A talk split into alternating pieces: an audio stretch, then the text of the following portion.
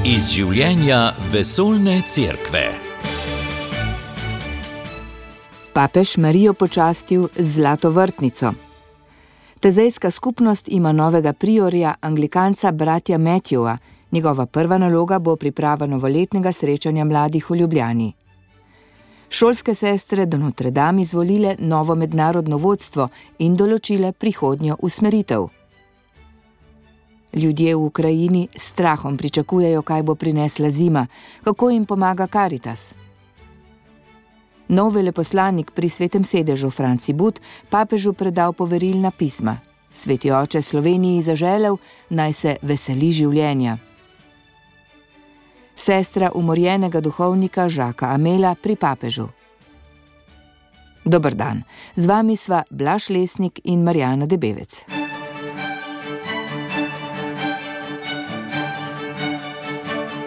Papež Frančišek je pri sredini audienci nadaljeval razmišljanje o gorečem oznanjevanju evangelija. Tudi tokrat je njegovo katehezo prebral monsignor Campanelli, čeprav je papeževo zdravstveno stanje že veliko boljše. Po besedah svetega očeta ni dovolj, če evangelijo znanjamo z veseljem, če ga prinašamo vsem ljudem in ga udejanjamo v današnjem času. Naše oznanjevanje namreč ne bi prineslo sadov brez svetega duha. Il Signore non ci ha lasciato delle dispense di teologia. Gospod nam ni zapustil teoloških zapiskov ali pastoralnih priročnikov, ampak svetega duha, ki navdihuje naše oznanjevanje. Pogumna iznajdljivost, ki jo vliva sveti duh, nas vodi do posnemanja njegovega sloga, ki ima dve značilnosti: ustvarjalnost in preprostost. On oživlja in pomlajuje crkv. Z njim se nam ni treba bati ker on, ki je harmonija, vedno združuje ustvarjalnost in preprostost, navdihuje občestvo in pošilja poslanstvo, odpira raznolikosti in vodi nazaj k edinosti. Med pozdravom Poljakom je papež spomnil, da bodo to nedeljo obhajali dan molitve in materialne pomoči za crkv na vzhodu. Zahvalil se je vsem, ki podpirajo crkv na tem območju, še posebej v trpeči Ukrajini. Ob sklepu je sveti oče znova pozval k molitvi za tiste, ki trpijo v vojni, še posebej v Ukrajini in sveti deželi. Poudaril je, da v vojni vedno vsi izgubijo, razen proizvajalcev orožja.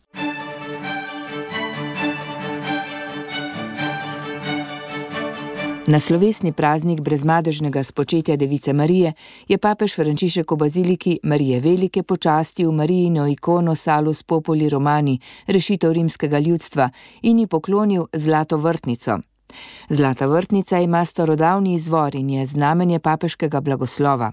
Tradicija izročanja zlate vrtnice sega v srednji vek, skozi stoletja pa se jo je podarjalo samostanom, svetiščem, vladarjem in uglednim osebnostim kot priznanje za njihovo predanost veri in skupnemu dobremu.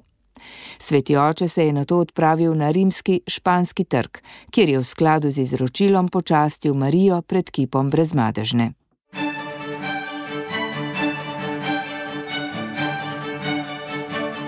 Skupnost v Tezeju ima novega priorja. Prejšnjo soboto je brat Alois predal svojo službo anglikanskemu bratu Matthewju. V skladu s pravilom, po katerem prior skupnosti imenuje brata, ki nadaljuje njegovo delo, je brat Alois izvedel posvet med vsemi brati. In tako za svojega naslednika imenoval njega, je za naš radio pojasnil Tilen Čebul iz katoliške mladine. Kar je bilo lepo videti, je, da je bil to en trenutek molitve za nje, kjer so se zbrali skupaj in kot skupnost pravzaprav molili nad novim priorjem, in tudi bili so prisotni predstavniki različnih krščanskih crkva, ki so tudi molili svoj blagoslov na njegovo službo. Prva njegova zadolžitev, tako uradna, javna, bo ravno srečanje v Ljubljani, kjer se sedaj počasi že zapirajo prijave, nekako 4000 mladih od drugot se pričakuje. 37 šolskih sester de Notre Dame iz 11 držav se je od 24. oktobra do 17. novembra zbralo na svojem 25. generalnem kapitlju, da bi izvolile generalni svet in določile prihodnjo usmeritev kongregacije za nadaljnjih šest let. Več Petra Stopar. Šolske sestre de Notre Dame imajo vsakih šest let generalni kapitel z izvoljenimi in po službeni dolžnosti predstavniki iz vsake upravne enote. Tema kapitlja je bila Živimo preroško pričevanje univerzalnega občestva. Sestra Dominika Mišalke je bila na kapitlju izvoljena za generalno predstojnico. Delala bo z ekipo štirih izvoljenih generalnih svetovalk: sestro Mary Kerber, sestro Carolyn Anjega, sestro Kristin Garcia in sestro Martino Radež.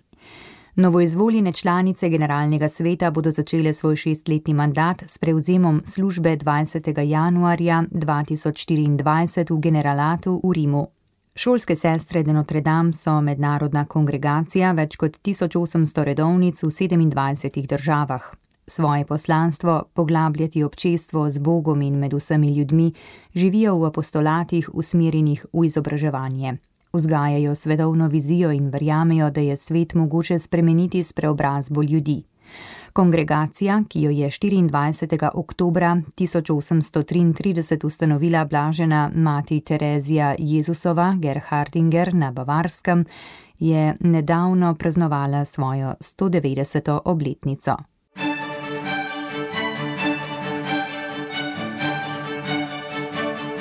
Papež Frančišek je ob 80. obletnici gibanja Fokolarov v četrtek sprejel predstavnike gibanja z vsega sveta. Spodbudil jih je k delu za mir. Vse se je začelo med drugo svetovno vojno, ko je 7. decembra 1943 v Trentu Kjara Lubik izrekla svoj da Bogu in se mu tako popolnoma darovala. Po 80 letih še vedno divjajo mnoge vojne, je spomnil sveti oče. Zato je predsednico gibanja Margaret Karam, so predsednika Jesusa Morana in predstavnike gibanja z vsega sveta spodbudil, naj bodo predvsem pričevalci in graditelji miru. Danes, nažalost, svet še vedno pretresajo številni konflikti in zato so potrebni ustvarjalci bratstva in miru med ljudmi in narodi. Kjara je govorila: Biti ljubezen in širiti ljubezen je splošni cilj gibanja Marijinega dela. In vemo, da se samo iz ljubezni rodi sad miru, je zbranim dejal Frančišek. Po dveh tisočletjih krščanstva se krepenje po edinosti marsikje po svetu še naprej izraža v srce parajočem joku, ki prosi za odgovor, je dejal sveti oče. Ob tem je spomnil na pričovanje božje služabnice Kjare Lubik, ki je med tragedijo druge svetovne vojne slišala ta krik človeštva in se na to odločila dati vse svoje življenje, da bi se ta Jezusova oporoka uresničila. Kjara se je Bogu popolnoma in korenito posvetila, potem ko je navdih za to dobila med povsem običajnim dejanjem, ko je šla kupiti mleko za svojo družino.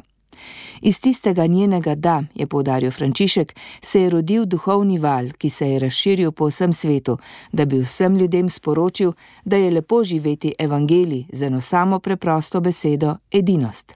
Edinost pa pomeni tudi skladnost, skladna edinost, je dejal sveti oče. To sporočilo je po njegovih besedah 80 leti odzvanjalo med mladimi v skupnostih, družinah, med posvečenimi, duhovniki, škofi, pa tudi v različnih družbenih okoljih, šolah, ekonomiji, umetnosti, kulturi, medijih, ter še posebej na področju ekumenskega in medverskega dialoga. Bili ste dejavno orodje velikega razcveta dejavnosti, pobud načrtov in predvsem novih rojstev, spreobrnjen poklicev in življenj darovanih Kristusu in bratom, jim je dejal papež. Za naprej papež Frančišek članom gibanja Fokolarov, poleg prizadevanja za mir, na srce polaga naj v dinamični zvestobi živijo karizmo ter trenutke krize sprejmejo kot priložnosti za dozorevanje, doslednost in realizem, Kot najpomembnejše pa je sveti oče člane gibanja povabil, naj si prizadevajo za uresničenje sanj, po katerih bi crkva postala popolnoma sinodalna in misijonska.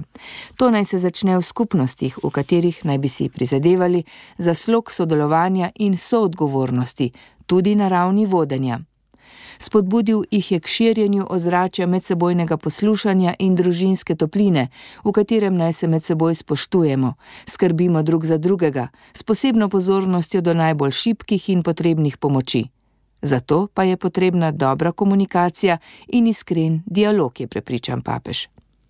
Papež je fokolarine povabil k zvestobi karizmi, da bi povsod sejali edinost in predvsem, da bi ostali čuječi pred duhovno posvetnostjo. Nedoslednost med tem, kar govorimo in tem, kar smo, je največje protipričevanje, je dejal. Rešitev je v tem, da se vedno vrnemo k evangeliju, ki je korenina naše vere in vaše zgodovine. Evangelij ponižnosti, služenja brez interesov in preprostosti, je predstavnikom Fokolarino z vsega sveta še dejal papež Frančišek. V oddaji iz življenja vesolne cerkve odpiramo temo tedna. Razmere v sveti deželi in Ukrajini se ne izboljšujejo. Ljudje trpijo, predvsem v Ukrajini, s strahom zrejo v prihajajočo zimo. Kako živijo, smo vprašali sodelovko Karitas Spes Miro Milavec. Mira Milavec, lepo pozdravljena na WhatsApp povezavi. In lepo zdrav sem poslušalcem Radia Ognišče. Mira, kakšno je trenutno stanje v Kijevu? Imajo ljudje sploh še upanje, da se bo ta vojna končala? Stanje v Kijevu lahko rečemo, da je za vsakega drugačno, ker vsak nekaj uh, drugače preživlja to situacijo. Kar se tiče pa z varnostnih razlogov, bi rekla, da vidimo, da zadnje dva tedna je bolj nevarno. Sami smo videli že pred dobrim tednom dni. Je bil zelo velik napad na Kijev in sem ga tudi jaz zelo dobro slišala. Tako da nas eh, vedno opozarjajo, da moramo iti v zaklonišča, tudi v naslednjih dneh. Ne vemo, ker ko, v bistvu, ko so bolj hladni dnevi, je večja nevarnost v bistvu teh napadov dronov in raket. Kar se tiče pa vojne, moram pa reči, da mogoče res tukaj ta pregovor, da upanje zadnje umira, drži.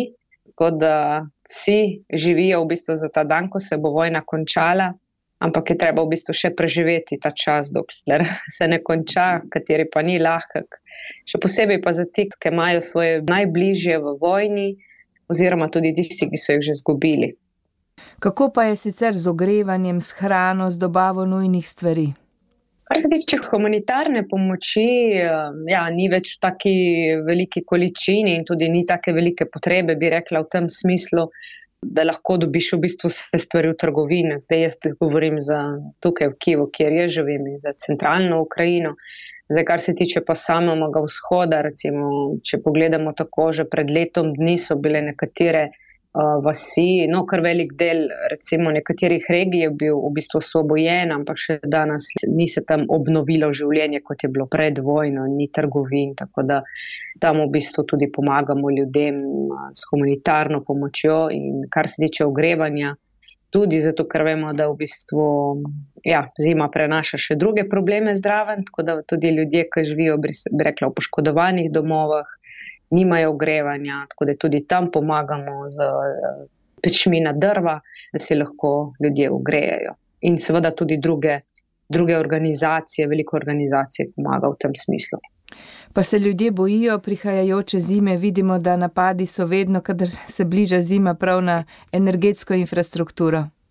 Tako je, ja, da to je v bistvu cilj, bi rekla, ne? ampak uh, zato, ker zima, kot sem omenila, prinaša še druge skrbi, posebej za te ljudi, ki v bistvu nimajo, ne vem, pač so domovi poškodovani in teh domov, ker sem v bistvu nedavno spremljala konferenco, mislim, da je več kot milijon uh, domov poškodovanih v Ukrajini. Tako da, ja, to je v bistvu dodatna skrb, ampak vidim, da letos je bilo veliko bolj pripravljeno, da so ljudje že v septembru, v oktobru dobili tudi drva, tudi drugi način, tudi z denarno pomočjo, da so se lahko v bistvu preskrbeli tudi za to zimo, in tudi veliko več organizacij, ki pomagajo ljudem, da jim v bistvu ne obnovijo cele domove, ampak vsaj okna, streho, da v bistvu lahko živijo v toplejšem prostoru. Kje pa je Mira Milavec trenutno najhujše v Ukrajini? Zdaj, jaz moram povedati, da situacijo realno ne vem, kako je na vzhodu, lahko si predstavljam. Moram povedati, da te dni sem se celo srečala z dvema znanima, ena, ki je v bistvu medicinska sestra na vzhodu, med vojaki na vojni, eden je v bistvu vojak. Tako da veliko ne govorijo o tem, tudi jaz nisem recimo res spraševala. Tako da jaz bi vsekako rekla, da največje, najhujše, kar je, je res izguba izguba življenj. In tudi sama, recimo, sem pred tednom dni izvedela, da je sin mojega kolega uh, umrl, kateri je šel v bistvu na vojno kot zdravnik, da bo v bistvu reševal življenja, ampak ga je sam izgubil. In kar je najhujše, je to, da v bistvu ne morejo dobiti od njegovega mrtvega telesa in vidiš res, kakšna bolečina je to. Nisem si nikoli predstavljala, da, da nimaš v bistvu mrtvega telesa, nad katerim lahko jočeš. Tako da jaz bi rekla, da so take največje bolečine, pol so tudi varnostne. Prejšnji teden je, recimo, veliko se ne govori o tem, recimo, tudi bil poškodovan jedrska elektrarna, delno. Da, ja, vse lahko se zgodi, no, da, ampak upamo, upamo, da ne. V petek ste na praznik brezmadežne v Žitomirju blagoslovili dom za invalidne otroke, ki ga je sofinancirala tudi slovenska Karitas. Koliko mladih bo ta dom sprejel, pa iz katerih območij? Tako je na sam praznik. Smo bili tudi zelo hvaležni, ker so nas obiskali tudi slovenske karitas. Moram povedati, da je prvi krat, odkar se je začela vojna in to je res velik, velik dan za nas. Projekt je bil res financiran slovensko karitas in z Ministrstvom za zunanje evropske zadeve en velik del smo dobili v bistvu pomoči in eh, tudi hvaležni njim za to pomoč, ker je bila taka spodbuda, da smo v bistvu nadaljevali obnovo, katera se je v bistvu začela že pred vojno, ampak se je potem ustavila in za leto dni v bistvu. Uh, smo lahko odprli dom, ki bo lahko sprejel več kot 50 invalidnih otrok, to pomeni na vozičku z spremljevalci. Nahaja se v regiji Žitomir, Moram povedati, da za takega doma v Ukrajini ni, gre za v bistvu taki primer, kako naj bi izgledali te domovi. In bo sprejel pa otroke iz Kijevske, Žitomirske in najbližjih regij, smo pa tudi v kontaktu že z, z različnimi organizacijami, tudi z vzhoda, kjer bo lahko prišli na več tednov, ne samo na rehabilitacijo, ampak tudi, bi rekli, na neki, na neki način počitek. Kako pa sicer kot karita spes ustrajate v teh težkih razmerah že toliko časa? Mogoče kaj je vaša trenutna prioriteta? No, same razmere se tudi spreminjajo. Recimo lahko rečemo, da danes je drugače, kot je bil letom in pol. Tudi mi smo recimo veliko bolj organizirani sami, iščemo tudi, seveda ne moramo vsem pomagati, ampak res tiste ljudi, ki so najbolj potrebni, pomoči. Tako da moram reči, ena iz večjih dejavnosti, ki jo imamo zadnje čase, je prav obnova domov. Na vzhodu, v bistvu, ja, tam, kjer so bili najbolj poškodovani, nadaljujemo tudi s humanitarno pomočjo, denarna pomoč, to, kar v bistvu želimo dati tudi to eh, dostojanstvo človeku, da si v bistvu kupi to, kar mu je najbolj potrebno. Potem pa imamo tudi eno iz večjih aktivnosti, katero se vse bolj zauzemamo, je tudi v bistvu ta psihosocialna pomoč, kjer se srečujemo z družinami, posebej z ženskami in pripravljamo tudi na te trenutke, ko se bojo ti njihovi možje očetje vrnili iz vojne, tudi na najhujše, tako da to vidimo, da je v bistvu velika potreba, veliko je ja, težkih trenutkov, tako da v bistvu gre, gre za to. Poglejte, ob vojni v sveti deželi se zdi, da so ljudje kar malo pozabili na Ukrajino, čeprav papež Frančišek vedno znova ponavlja, vedno ko prosi za mir, vedno dodaja in pravi: Ne pozabimo na Ukrajino. Ali še prihaja pomoč do vas? Ja, res je tako. Mogoče res niso novice iz Ukrajine na prvi strani, ampak tudi situacija v sveti deželi je nas pretresla in vemo, da to ni nič pozitivnega tudi za Ukrajino. Seveda tudi vidimo druge naselja, kot je bilo še pred svet, sveto dežele, bo Gorni Karabah. Tako da res te situacije so zaskrbljujoče v današnjem stoletju. Da, pomoč prihaja. Moram povedati, da je neverjetno, tudi ljudje na, osebni, na osebnem nivoju zbirajo pomoč, koliko krat so različne majhne skupine, ki želijo v bistvu pomagati konkretno, pripeljajo stvari v Ukrajino. Res vidim, da v bistvu ljudje hočejo biti aktivni, hočejo v bistvu res pomagati vse, kar lahko ne naredijo na svojem mestu in to me vedno znova preseneča. Kako pa vi kot gibanje fokolarov živite v vaši skupnosti, na kakšen način poskušate biti blizu ljudem? A, tako je, jaz gibanje fokolara moram povedati, da nas ni zdaj zelo veliko v Ukrajini, glede na to, koliko je Ukrajincev, smo bolj prisotni na a, zahodu, ampak je nas kar nekaj več kot sto, sigurno. Tako da v prvi vrsti želimo v bistvu stati eden drugega, da v bistvu podpiramo tudi v molitvih in konkretnih dejanjih. Potem pa veliko se trudimo tudi vključevati mlade, tudi v mednarodne različne dogodke, da vidijo, da, da je mir res možen, da je možno graditi. Potem pa tudi se srečavamo enkrat, dvakrat v mesec na besedi življenja, kjer prav hočemo med seboj prvo prenesti ta mir in potem med tiste, katere jih srečavamo, ker vidimo, da to je sedaj najbolj potrebno. Ne čakati res na konec vojne, ampak začeti že danes uh, graditi to. Potem pa tudi konkretno, recimo v Kijevu, sedaj se dogovarjamo, kako bi lahko šli v bolnico, kjer bomo v bistvu vsem tem ranjenim, ki so brez rok, pomagali konkretno. Poglejte, v četrtek smo praznovali 80. obletnico gibanja fokolarov. Vi živite v skupnosti kot posvečena fokolarina. Kaj vam osebno ta karizma daje za vaše življenje? Res je, ja, 80 let, odkar je Kjara Lubik povedala svoj dan. Jaz lahko rečem, če gledam danes na situacijo, kjer sem, brez karizme edinosti, verjetno bi ne bila danes tukaj v Ukrajini, posebej v teh razmerah, ampak sem prav prek te karizmedinosti spoznala, da je Bog ljubezen, da od nas čaka, da to ljubezen delimo in ne samo v veselih trenutkih, ampak tudi v težkih. In tako sem tudi čutila, da v bistvu je ta trenutek zdaj, da sem tukaj v bistvu med temi ljudmi.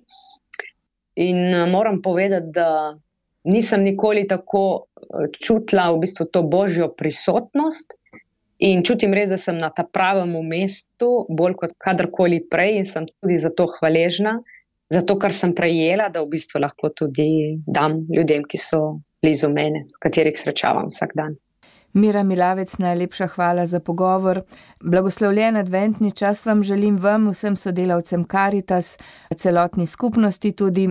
Čeprav vem v težkih razmerah, ampak kot ste rekli, tudi v teh težkih razmerah oznanjati, da je Bog ljubezen. Vse dobro. Hvala, hvala tudi vam in vsem poslušalcem Radio Ognišče.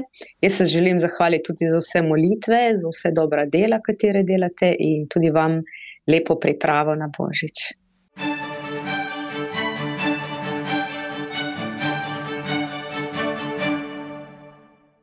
Štiriletni mandat slovenskega veleposlanika pri svetem sedežu se je konec julija iztekel Jakobu Štumfu.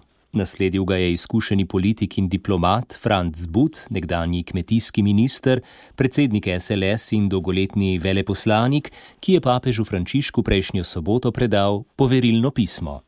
Za naš radio je Franz But povedal o svojem srečanju s papežem takole. Prvotno je bilo mišljeno, da bi akreditive predal že v ponedeljek, ampak zaradi bolezni takrat to ni bilo mogoče. In ker papež žal ni odpotoval v Dubaj, sem pa jaz dobil priložnost, da akreditive predam, tako da je bil to en poseben slovesen dogodek. Papež je bil eh, zelo dobre volje, bil je tako eh, izjemno prijeten sogovornik, eh, zelo je se spomnil nazaj svojega obiska v Sloveniji mnogo let nazaj. Povedal je, da smo mu Slovenci zelo ljubi. Jaz sem mu seveda odgovoril, da ga imamo Slovenci zelo radi. Spomnil se svojega obiska takrat davno nazaj, še iz Buenos Airesa, ko je obiskal Škofijo Loko, ko je obiskal Bled, ko je stonal v Ljubljani in sta, mislim, da z gospodom sedanjim kardinalom, dr. Odetom, šla tudi v opero. Tako da vse to se še zelo spomnil in jaz sem mu tudi omenil, da ima tudi moja soproga sorodnike v Argentini. In potem je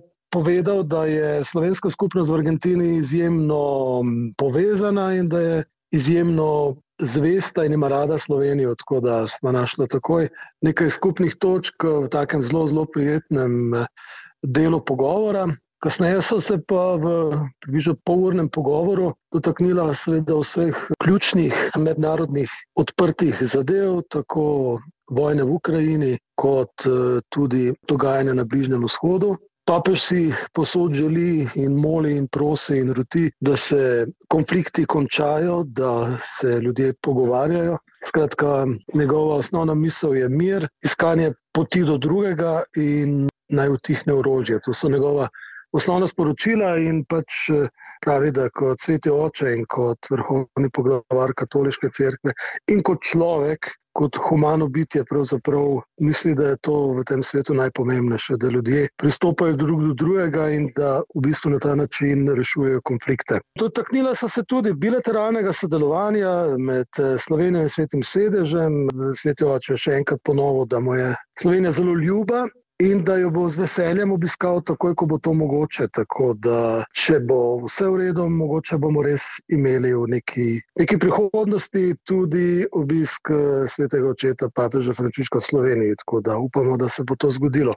Skratka, on je temu zelo naklonjen. Ampak, eh, seveda, je treba se skupaj poslediti, videti, kako je z datumi, predvsem pa tudi z drugimi obveznostmi. In v bistvu je bil tak prijeten pogovor, dotaknila sem se tudi Zahodnega Balkana. Papež me je vprašal, kako je v Sloveniji z rodnostjo, ali imamo težave s tem ali tako naprej. In pač sem mu povedal, da je v Sloveniji sicer veliko veselja do življenja, da bi ga lahko bilo še več. In je pač rekel, da je to tudi njegovo sporočilo, da naj se ljudje veselijo življenja in da naj uh, tudi na ta način eh, poskrbijo za to, da bo eh, prihodnost zagotovljena tako starejšim kot mlajšim, ker medgeneracijski dialog je odvisen tudi od tega, koliko mlajši sodelujejo s starejšimi in obratno. In pa dotaknila so se tudi vprašanj migracij. Eh, Sveti oče je zelo naklonjen temu, da je treba najti ustrezne rešitve za to, da sprejmemo vsakega kot človeka in da najprej vsakem vidimo človeka.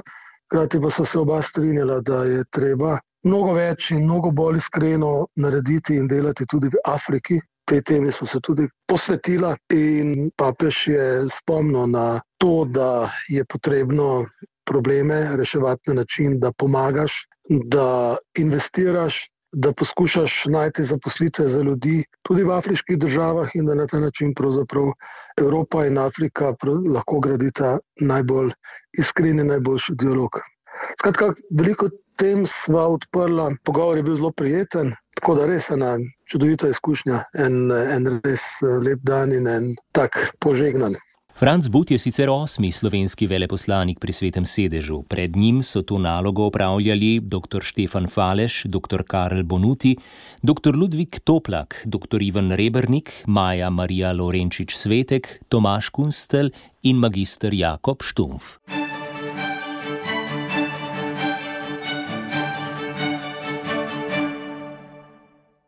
Sestra duhovnika Žaka Amela, ki sta ga julija leta 2016 med svetomašo ubila dva islamska skrajneža, se je v sredo srečala s papežem Frančiškom. Podarila mu je risbo z golobom in olčno vejico, ki simbolizira mir, pa tudi pridigo svojega pokojnega brata, ki jo je našla v enem od predalov. Rozelina Mel se je v Rimu sicer mudila, da bi predstavila podelitev šeste nagrade, posvečene medverskemu dialogu in poimenovane po njenem bratu duhovniku. Nagrado bodo podelili januarja v Lurdu. Je pa sama Rozelin povedala, da se je srečala z materjo morilca svojega brata. Več o tem Jure Sešek. Sestra ubitega duhovnika Žaka Amela je povedala, da se je srečala z materjo enega od morilcev. Prav s tem srečanjem se je po njenih besedah začela pot medsebojnega zdravljenja. Srečanje z gospo Kermike je bila pot, ki sem jo iskala, da bi osmislila svoje življenje po takšnem nasilju, je povedala Rozalina Mel. Ne samo, da je Žak mrtev, ampak je umrl zaradi vse te človeške zlobe. Šla sem torej gospe Kermike, ki me je takoj prosila odpuščanja, ker je njen sin ravnal tako. Rozelin je povedala, da ste si podelili trpljenje, ki je tako dobilo drugačen pomen. Ta mati, ki je vzgajala svojega otroka, mora prenašati veliko trpljenje, je dejala Rozelin. Gospa Krmike je povedala, da je bil njen sin tako neobvladljiv, da je sama poklicala policijo in so ga zaprli. Toda, ker je bil v zaporu z nekim starejšim skrajnežem in je padel pod njegov vpliv, so ga s pomočjo odvetnikov rešili na prostost. In zakaj? Da je potem ubil duhovnika. Ta mati, po besedah Rozelin, poleg bolečine ob izgubi sina, nenehno nosi težo krivde. Povedala ji je tudi, da so jo obiskali le kristijani, njena muslimanska skupnost jo je zapustila. Rozalin se je na sodišču srečala tudi s štirimi sestrami pomočnika morilca svojega brata, Čeprav so se ustrašile, ko so jo zagledale, se jim je ona približala v miru. Povedali so ji, da mlajšega brata nihče ni imel časa vzgajati, zdaj pa se je to zgodilo. Rozalin jim je svetovala, naj mu ostanejo blizu, tudi ko bo v zaporu, saj bo potreboval njihovo podporo. Povemo še to, da že teče postopek za beatifikacijo za duhovnika Žaka Amela.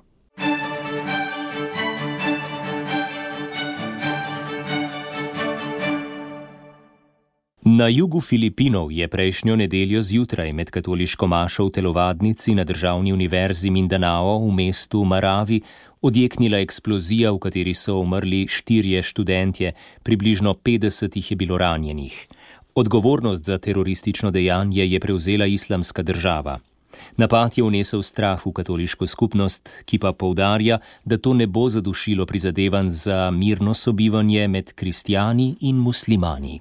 Z mislijo na vse, ki v tem adventnem času kakorkoli trpijo, sklenimo današnjo odajo. Naj naša molitev, topla beseda ali pomoč blaži stiske bližnjega. Odajo sem pripravila Marjana Debevec, z menoj je bral Blaš Lesnik. Želim vam blagoslovljeno drugo adventno nedeljo. Poslušali ste oddajo iz življenja vesoljne cerkve. Ponovno ji lahko prisluhnete v našem audio arhivu. radio.ognisce.si